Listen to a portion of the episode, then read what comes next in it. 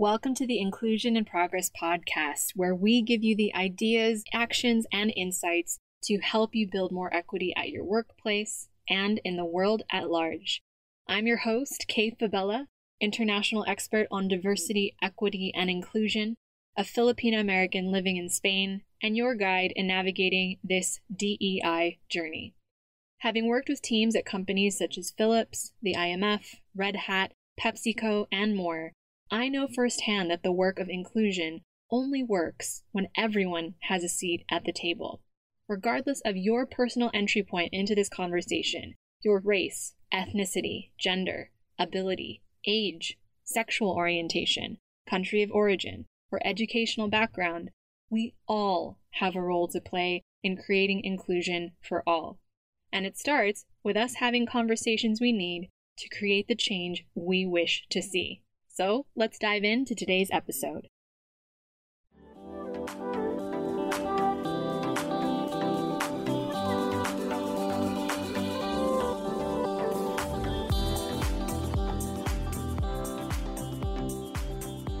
So here we are, friends, episode 100. It now means that we have reached double digits in our episodes and three years as a podcast.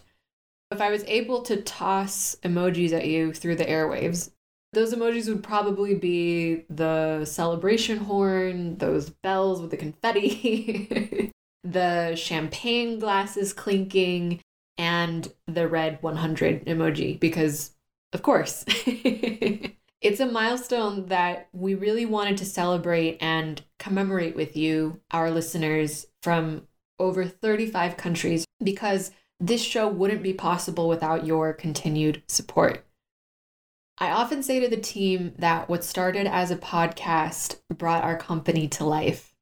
At the time I launched this show in 2019, I was still operating as Kay Fabella Consulting.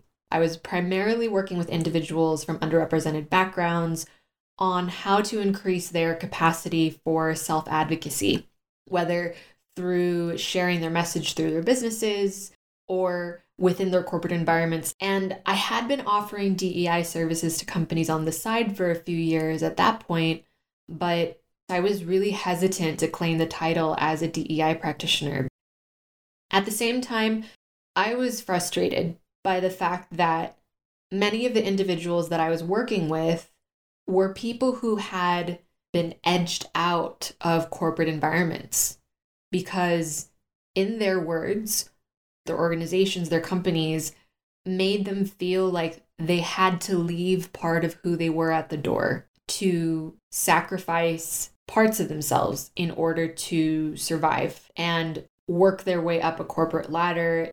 And this was especially true for people I worked with who were women and non binary folks, people of color, people with disabilities or with neurodivergence, or whose background or country or language of origin made them an only in the rooms that they walked into at work.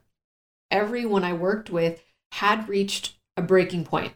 If they hadn't already quit their jobs to start their own venture. They were definitely not planning on sticking around in their companies for long. So that got me to thinking well, why is it that so many companies are failing to keep their best people? What is it about how these companies are structured, how they are being led, and how they are making people feel that was leading to so many people I was working with feeling like quitting their jobs was their only option. And how can I share what I'm hearing in these conversations with others who might feel the same way? And so I was privy to a lot of really great conversations, and I was motivated to share what I was learning and decided to launch the Inclusion in Progress podcast towards the end of 2019. Then 2020, the year that reshaped our workplaces and our world happened. And all of a sudden, the DEI services that I had been offering but rarely promoting publicly were exactly what organizations needed. And thankfully, I was in a position to begin expanding a team to help me to meet the needs of our client partners. which now include the likes of Red Hat and Instagram and many more. So, for today's episode, I wanted to introduce you to the folks on Team IIP who helped take us from Kay Fabella Consulting to Inclusion in Progress LLC. So, by way of intro, you'll be hearing from Max from Nairobi, our OG remote worker and metrics man, who helps us keep track of our relationships and our clients, and the reason that we held our first in person retreat in Kenya this year. Nobody complained. It was amazing. You'll also hear from Nina from outside Manila in my parents' country of origin, the Philippines, our resident Gen Zer, who helps with research and content creation and keeping us up to date on the DEI conversation in different parts of the world. You'll also hear from Libby, who is also from the US, and like me, she is a long term resident of Madrid, Spain. She's our newest member, our EA and operations manager, who is helping us with client management, scheduling, and delivery, as well as keeping our team on task. And finally, you'll also hear from Anibal, who is originally from Peru, raised in the US, and now calls Finland home. He is our brand and web designer who has helped shepherd the transition from my personal brand of Kay Fabella Consulting to Inclusion in Progress and continues to support us with our digital home. This is the core team that works with me day in and day out. They're incredible folks. In addition to an international network of DEI consultants that we rely on to support us with client delivery, we also are lucky to have amazing service providers outside of our team. So I wanted to give a very quick shout out to Scott and his Podcast Bay production company who have helped us get this podcast out to you every month. And we're very fortunate to have him on our team and supporting IIP from a distance. So, in preparation for today's episode, we sat down together as a team to review the top three episodes from this year, 2022. We briefly discuss each of those episodes as a team. We talk about why we think it resonated with you as our audience and we may even share some behind the scenes discussions that we have in our weekly wrap up calls. So, without further ado, here is Team IIP. So, this was something that was a long time coming. I'd been meaning to try and get the team on the podcast all together because, as we mentioned before, we have these Friday weekly wrap up calls where we all just kind of hang out, chill, talk about all the things. And we thought, wouldn't it be great if we could all get our voices diving into in honor of our 100th episode, the different episodes that we realized were most popular, most downloaded this year. And so you get to hear not just from my voice, but from the other folks who make up Team IIP. And so what we're going to do is dive into the three top episodes for us this year, starting with episode 92, psychological safety for DEI practitioners, why we're taking next month off when we took July 2022 off as our first month off as a team earlier this year. Which thought was really interesting. That was the top episode. You know, I think that episode maybe resonated with a lot of us because we're so used to in this world of hurry. We live in times of hurry, whether it's in our personal lives, trying to do all things, or in business trying to finish and check off every task that is assigned to us. And while we're doing this, we seldom have the time to step back and reflect if what we did was actually worth of any value or made any impact. And the only times you can do that is by pausing, stopping, taking time off for yourself, which is incredibly difficult to do at times because we don't want to, because we're so used to always being in a hurry. We, in a way, get high off that. Mm-hmm. But knowing that there is uh, so much value to reset and reflect, I think it's something that subconsciously hit a lot of our listeners, including our team internally. And I think that is one of the reasons why so many people decided to listen to this episode, in addition to sharing it. Sometimes you pour too much to people, but you don't pour much to yourself, which becomes as we can all attest burnout. As always, K says, we have to take like a positive progress. Yes, we've reached this point. Sometimes we pause as a team and ask ourselves, yes, this work, this didn't work. What's the best thing to do on this and this? So I think for me, the psychological safety I've gotten from IIP is like sometimes you just to pause, not because you're not doing the work, not because you're not doing the effort, but sometimes you have to pause, reflect, and just take notes on what works, what doesn't work. Because I think IIP for this year, that's something we've really done. I think if I'm listening to a theme from all of us, we knew the last couple of years were challenging for everybody.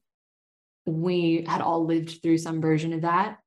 And, you know, this being a pause that we all needed, a place for us in the DEI space, especially to really reevaluate all the things that we had to support and all of the things that we had to hold space for for other people and and how much of that required us to pour into the people who are depending on us. And so you know i love that max picked up on our positive progress value as one of the reasons this episode might have resonated because it's something that i say often on the team that if we aren't able to kind of pause and synthesize all the things that are happening around us unfortunately we had to live through a time recently where all of us were forced to pause. But i think a lot not everybody took that pause and the lessons with them forward. And so dei practitioners especially and i include myself and our team in that really focus so much on giving that we don't realize often that the people that need us to be at our best are actually getting an empty cup right? And so i'm really proud that we took something like our systems and our day to day and our behaviors and the ways that we talk to each other on a team. We leveraged that and utilized that in deciding to take this month off. I hope that listeners who come back to this episode even if it's 2 years from now can still take inspiration in the fact that you know there's never a bad time to step away when it comes to either your mental health or your ability to be that person that other people need you to be. And most importantly, to really sync with yourself on is this still in alignment with me? Which I think pauses are, are necessary for. Now, here is a clip from our most popular episode from 2022, episode 92 Psychological Safety for DEI Practitioners. We also want to reconnect with our moments of joy, not just our pain. And I think this has been a running theme in the podcast for some months now because DEI is strategic and emotional labor and unpacking your own trauma and your own triggers, oftentimes. So, the emotional labor that I'm alluding to now has also been true for us on Inclusion in Progress as practitioners.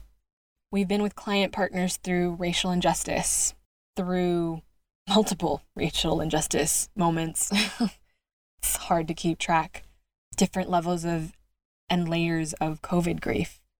The rapid, rapid shifts in how our workplace looks like and what people expect, and navigating the remote and hybrid conversation. We've supported client partners through several mass shootings in my birth country of the US just this year. Through the war in Ukraine for those who are here in, in EMEA, where I'm physically based the ongoing refugee crises, and so much more. And so, when you are tasked with holding space for client partners who are humans and are people that are navigating all of those things, you have to put your own feelings aside in that moment. But it doesn't mean that those emotions disappear. You have to find a way to decompress and process them in a healthy way, which is not always easy to do. So, working in a space where you live in oftentimes the pain of others that you need to live in to be able to understand DEI, sometimes also triggers having to revisit your own pain, right? Your own experiences with non belonging, which I've shared. The same is also true for our own team, right? And for different reasons.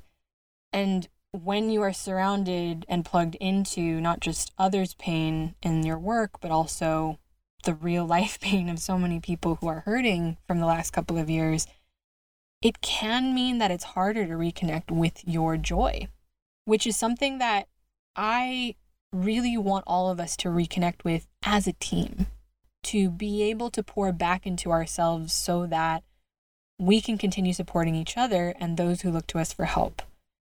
You know, this is a tricky one to have because it doesn't mean that the work isn't still serious. It doesn't mean that the work is still not urgent and important. But it also requires us to draw from all of our faculties and our ability to really draw from our highest selves, which we can only really find in either moments of pause or moments of joy. And if you're just sitting in pain day in and day out, that takes its toll over time. So I can't wait to reconnect with our own moments of joy, whatever that looks like for each of us on our team. So now the team and I will dive into our second most popular episode from this year, episode 91. How can we have conversations in DEI without shaming each other? As you all remember, we have been having many conversations about how the DEI or diversity, equity, and inclusion conversation has veered very heavily into shaming one another, or it feels kind of horizontally shaming other people, at least if you plug into, you all know my thoughts on cancel culture. we don't have to go over that in that episode. But this idea of the DEI conversation rightfully became an amplification of voices that hadn't been heard for a very long time. And some folks might have taken that microphone and that amplifier and run with, let me just tell you what's not right, instead of ways that we could constructively move the conversation forward. And that was the thought process behind putting out this episode, at least when we first talked about it and then tried to distill it into episode 91. I have to say, this is my favorite episode that we've released this year. Probably also because I learned so much from researching for it. And I think it all boils down to relationships are built on good communication. And when it comes to you know the DEI space when we're talking about different kinds of people and different people's experiences i guess the trend seems to be that people make it about themselves. And when it comes to the topic of shaming it's like there's so many people trying to as Kay said, grab the microphone and say that this is how this is affecting them or this is how that is affecting them. And the episode really helped me realize that we'll never really understand how it feels. And there's not really that expectation from a certain group of people that we will ever understand how they feel. But it's not about kind of claiming that emotion from them. It's about supporting them and really learning how to be an ally and really listening. That's important and not talking over people. I think this episode was a very important one that we came up with, prepared for extensively this year. I feel like we have to say that because as Kay said, cancel culture, you never really know what nerve you're going to pull with some people or what button you're going to press. So, yeah, we prepared for this a lot. and it ended up being one of my favorite episodes because we don't really come up with an answer for it. We pose a very difficult question that, in all honesty, doesn't have an answer again, it all just boils down to the willingness to listen and to have difficult conversations with people that you don't share experiences with. And uh, I mean, I would like to say that with Team IIP, that's really something that I've come to appreciate and come to hold dear that we all come from different backgrounds. We're all in our different corners of the world, and we're all just striving to understand each other. And I feel that we came out with this episode because we wanted to share that experience with our listeners that it is possible and not everything indelicately said needs to have an uproar of a reaction. We can just see where people are coming from and try to help them understand. When it comes to this episode, you know, as DEI practitioners, I believe the work we do comes from a place of love. And we have this love and care for others. And we want to share this love with them, but at times the manner in which it is communicated doesn't sound caring to those receiving it, even though we do care. And just like whether it's being a parent or being a grandparent, you want to share these wisdoms, these lessons with your children, but it comes off at times in a way that the listener, whether it is the child or a client, they hear it in one way and they feel shame.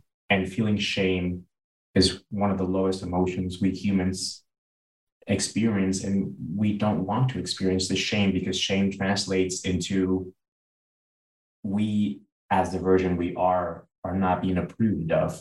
And we are having fingers pointed at us, and shame leaves us in a very vulnerable, scared position, which feels very negative. And at times, the way in which we communicate this, we have to understand that even though it sounds one way to us, it may not sound that way to them. So we have to be extremely aware. Am I saying this in a tone that would either push them away or would allow them to accept this message? And then I think that is a, another skill set on top of the information we're trying to share that not every DEI practitioner has. And I think others resonate with that, uh, which is why I believe that this episode also was a big a big hit with us. I know actually he's not present on our conversation today, but a person I have to shout out to is Scott from Podcast Bay, who makes our episodes sound as awesome as they do, who said episode 91 actually changed his life and his family in a very, very powerful way that he could immediately apply and see results from. And so, one of the things I'm grateful for that the team models is a place of psychological safety where we know that it comes from a place of love and a desire for wanting to see our fellow humans do well and thrive and figure out what their version of a, a most happy, thriving, fulfilled life on this planet looks like. And if we lead from that place of shame, as we say in the episode, it actually shuts you down on a physical and a biological level. And so that person in front of you is no longer able to receive that information. And so, again, you know, coming back to Nina's earlier point of we don't have the answer. We actually say we don't know. We don't know how to have this because it's still, you know, in the bomb throwing stage of a revolution, there's not really much room for subtlety and nuance. And so, what ends up happening is we use tools that are rooted in maybe centuries old beliefs or things of what we think we have at our disposal that we sometimes without meaning to it's a pattern that we fall back into and one of those tools as we know that one of the largest tools of oppression that has held up our world and our society for generations is shame. And so uh, the only thing that we hope is posited in this is as we're still figuring out a way forward in our workplaces in our world who we are on the other side of a pandemic, of racial injustice conversations, of trying to figure out how to create spaces where LGBTQ plus people and disabled folks and everyone has an opportunity to move forward in, in a way that's aligned with who they are and who they want to be in the world. We can't just fall back on what we think we have at our disposal, but simply posit this idea that we can reimagine a different way.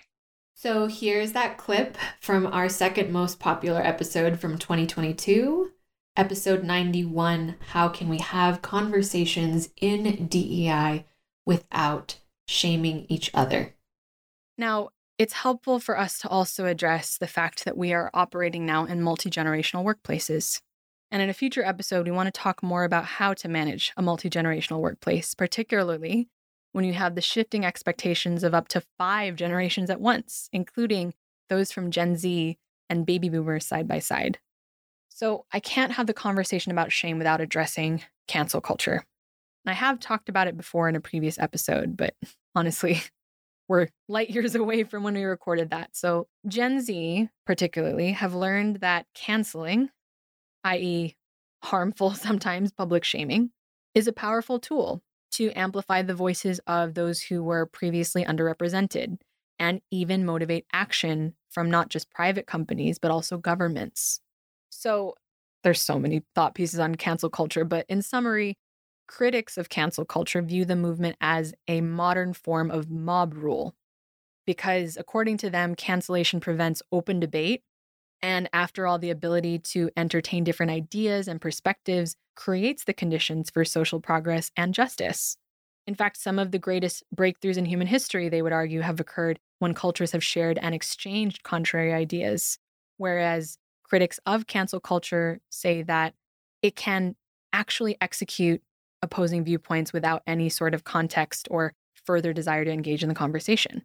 Now, those who support cancel culture as an important tool in achieving particularly social justice, which is a big part of the reason why the DEI conversation is so powerful these days, really utilize the internet in particular. So, social media providing a platform for those who were historically underserved or underrepresented to share their views, their opinions, and their lived experiences. Now, for example, Twitter offers an outlet for groups that were excluded from the institutions such as politics or education or the media to have a say. And today, historically excluded groups are no longer reliant on establishments that were built when they weren't in the room. Every person with access to the internet can now write an opinion piece, can share their story, and where needed, speak truth to power. So, Put another way, those who support cancel culture would argue that it represents the voice of the voiceless. But there's also a deeper layer of social and cultural and historical context that can be applied to this debate that cancel culture doesn't actually exist.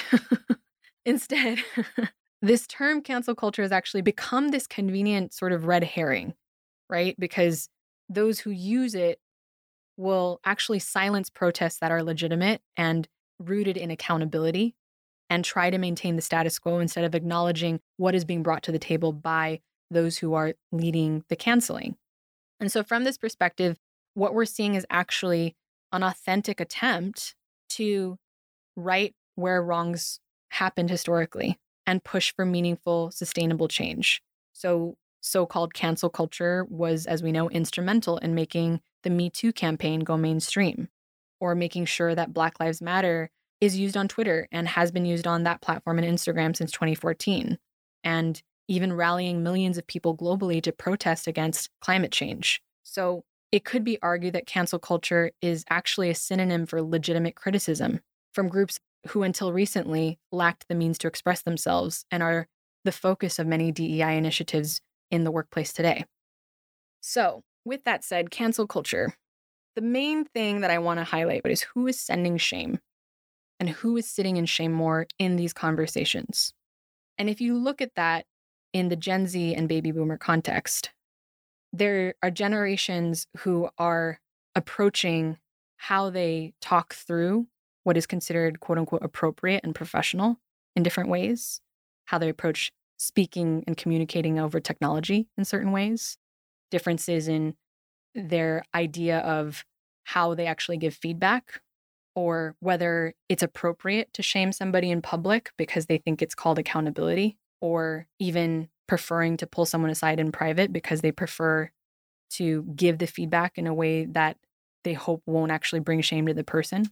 You have such different views across the generations of how to actually navigate hard conversations that it's really, really difficult to have them without addressing the differences in how people perceive they should happen. But I want to wrap up on a final piece here, which is if shame or cancel culture or whatever you want to call it is potentially holding us back from DEI work moving forward and potentially helping us lose allies and people who can support us in moving it forward. How can we invite a new way to sustain ourselves in DEI work that doesn't involve leading with shame into conversations? I don't have an answer. I'm just hoping that from this place of a real desire to see change that benefits everyone, a real sense of pain for those who are actually trying and feel constantly shamed, or those who are so hurt that they feel that shame is their only option, I think there has to be a better way. And it starts with acknowledging ourselves and developing greater empathy for others. Because all of us are complicit in holding up inequitable systems, which means that all of us are responsible for the behaviors and choices that will lead to the inclusion we all want to see. And I wanted to come back to Brene Brown here before we wrap up. On her podcast episode on shame and accountability in July 2020, right after George Floyd's murder, she said, quote, shame is telling someone that they're a bad person. Accountability is telling someone they're not doing their job. Moving away from name calling and telling people what to stop and start doing, I honestly think there's got to be a different conversation that we could lead. How can we ask people to do their job, meaning mitigate their biases, continuing their learning and unlearning, to speak names into rooms where they haven't been heard before and fight for the opportunities that would remove barriers to advancement and access for historically excluded groups at work if we're shaming one another. Instead, let's move towards accountability, remembering that this is a shared responsibility for everyone on all sides of the equation of DEI. So, episode 91 on this topic of shame within DEI is a much larger, nuanced conversation, and we really hope you listen to the full episode. And if you are tuning in to episode 100 as a longtime listener of our podcast, we'd invite you to please consider leaving us a review on your favorite podcast app. Every review helps us at Team IIP reach the listeners and DEI leaders who would benefit from the resources and conversations we share here on this show. If you would like to leave Inclusion in Progress a review, we'll leave instructions for you to do so at the link in the show notes. Now, the team and I will dive into the third most popular episode from 2022, episode 81 How to Spot Signs of Burnout in a Remote Team Before It Happens. Research shows that burnout may fall into one of three umbrella categories. The first is exhaustion. Makes sense usually the first sign of burnout because prolonged stress is actually draining your mental and physical health and can make you feel tired all the time. The second is cynicism, symptoms that include things like feeling disengaged from work, disillusioned about your contributions, being super critical of your own work, and even impatient, irritable, and quick to anger with coworkers or those who are around you. And the third thing is inadequacy. You may consider giving up or thinking that it's not worth putting in the effort to get your job done because you feel maybe frustrated or stuck or uncreative, and you're having a hard time getting started and staying productive. Maybe you're overwhelmed by your workload and feeling a lack of any real satisfaction when everything's done, which can also fall under this category of inadequacy too. So, exhaustion, cynicism, and inadequacy are the three sort of umbrella places that burnout tends to fall under. Again, I'm not a mental health expert, and symptoms of burnout may be a little different for different people. But if you notice more than a few of these, your team members may already be deep in burnout territory or very close to it. So I think if we look at this episode, how to spot signs of burnout in a remote team before it happens, I mean, all of us have had some kind of mental health journey genuinely over the last couple of years, whether it was pre pandemic or during the pandemic because everybody is going through their version of you know figuring out triggers and trauma and unpacking what they've had to let go of what the uncertainty of the world the uncertainty of their situation personally at work etc and so really trying to open up this conversation about trying to be proactive in terms of how do you create that space for psychological safety even talk about burnout on a remote team where you don't see one another to really try to be a lot more proactive in having that conversation rather than reactive. So, whoever wants to take this one, why did this resonate? I think we could also do a part two on how to spot signs of burnout, mm-hmm. period. Because burnout is real and people are looking for information and for answers because nobody wants to burn out. So yeah, it's in the top three because it's practical, you know, it's it's real. If we can learn to educate ourselves to spot the signs before so that we can readjust, so we can continue with our lives and our work lives, so we don't burn out, I think that that's what people want. And that's why it was popular. 100% agree with Libby. I think particularly resonant with our listeners is the remote team part of this episode because it may have been a little bit easier, maybe not, but maybe also a little bit easier for people to kind of realize when they were getting burnt out when they were in a physical workspace with all of their coworkers, all of their colleagues, but a little bit more difficult in the remote world because there is such a blurred line between life and work. This episode was very important because there's a lot of people who are transitioning from office to remote work to back to the office. And with that, we're having to recalibrate what life means to them now. As we said earlier, the pandemic really forced us to confront ourselves. And that includes a pretty big shift of priorities. So life may not have been what it was before, or there are certain things in life that are being prioritized that were not there before, or were just not as emphasized as before. And because of that, moving from remote work to back on site, or even moving permanently into remote work, has its own struggles for sure. And with that, there are a few more things to look out for when it comes to burnout. We're all struggling to come up with this work life balance. And I think this was popular for the same reason that our episode 92 continues to be a popular episode of ours because people, I'd like to think people come back to it just like a gentle reminder that these are the things that they're looking out for and that it is possible to work and not get burnt out.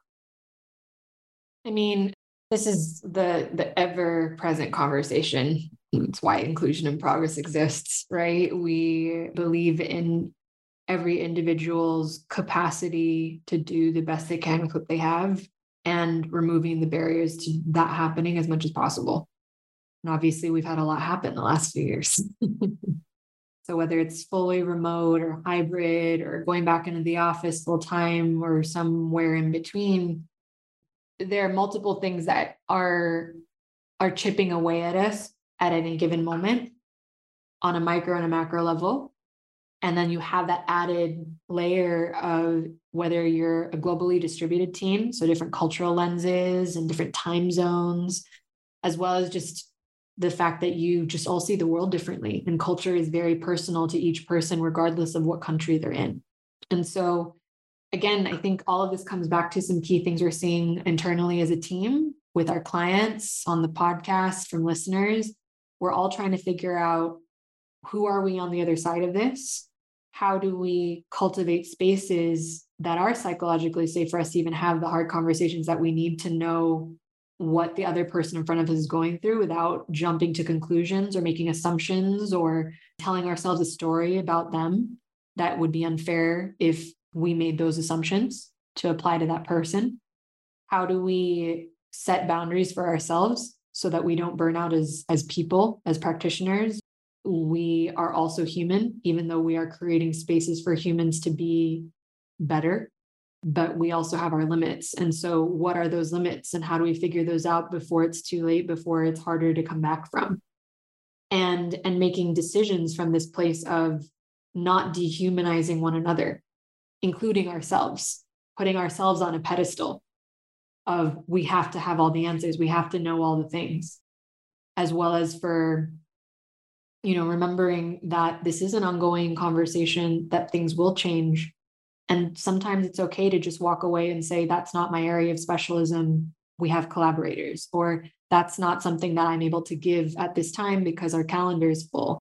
Or unfortunately, that's not something we have capacity for, simply. And acknowledging that. And if we're able to model it as a team, you know, in our day to day interactions and our systems and our processes and our own conversations and help relay those things to our clients, that's enough, right? And forcing ourselves to go beyond that or beyond what we feel is possible at a given point in time is ultimately not in alignment with our mission and is not in alignment with what we're trying to, to lead for other remote teams and other clients as we help others navigate this conversation moving forward into 2023. So thanks, team, for helping contribute some of your thoughts on this episode. Thank you again to you as the listener for listening into this podcast and all the insights. Now you know that it's literally not just me on this team, but other folks as well who are helping make this possible. And we really appreciate uh, your continued support for the podcast. So, there you have it. In honor of our 100th episode on inclusion in progress, we've now walked you through the top three episodes that you, our audience, listened to in 2022. Episode 92 Psychological Safety for DEI Practitioners Why We Are Taking a Month Off. Episode 91 How Can We Have Conversations in DEI Without Shaming Each Other? And finally, episode 81 How to Spot Signs of Burnout in a Remote Team Before It Happens. If you haven't already, please go ahead and listen back to those episodes of the show after clicking off of this one. They're really good ones. And obviously, as you've shared with us, they're episodes that all of you have enjoyed.